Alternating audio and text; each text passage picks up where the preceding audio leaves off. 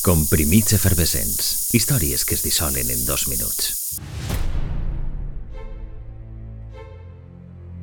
Excessiu, opulent i classista, però també un filó per a les arts de tota classe. Va posar en contacte dos civilitzacions que vivien d'esquenes i es va convertir en un dels símbols de la revolució industrial. 3.050 quilòmetres d'inspiració en 81 hores i mitja. Un 5 de maig efectuava el seu primer trajecte un ferrocarril llegendari, l'Orient Express. París i Istanbul intercanviaren durant dècades el rol d'origen i destinació d'esta línia ferroviària que va idear l'empresari George Nagelmakers. Pretenia convertir-lo en l'hotel mòbil més car del món i satisfer la fascinació de la classe adinerada europea per l'Orient Pròxim. El viatge inaugural va partir de l'estació de l'est de París al ritme evocador de la marxa turca de Mozart. Els seus primers passatgers, per descomptat tot homes, van brindar amb xampany Cordon Rouge.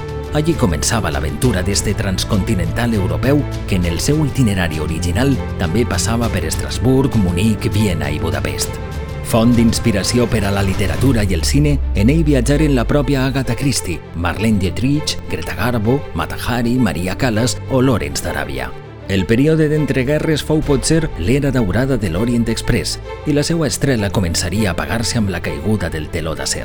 No obstant, continuaria encara viatjant molt de temps des d'aquell 5 de juny de 1883.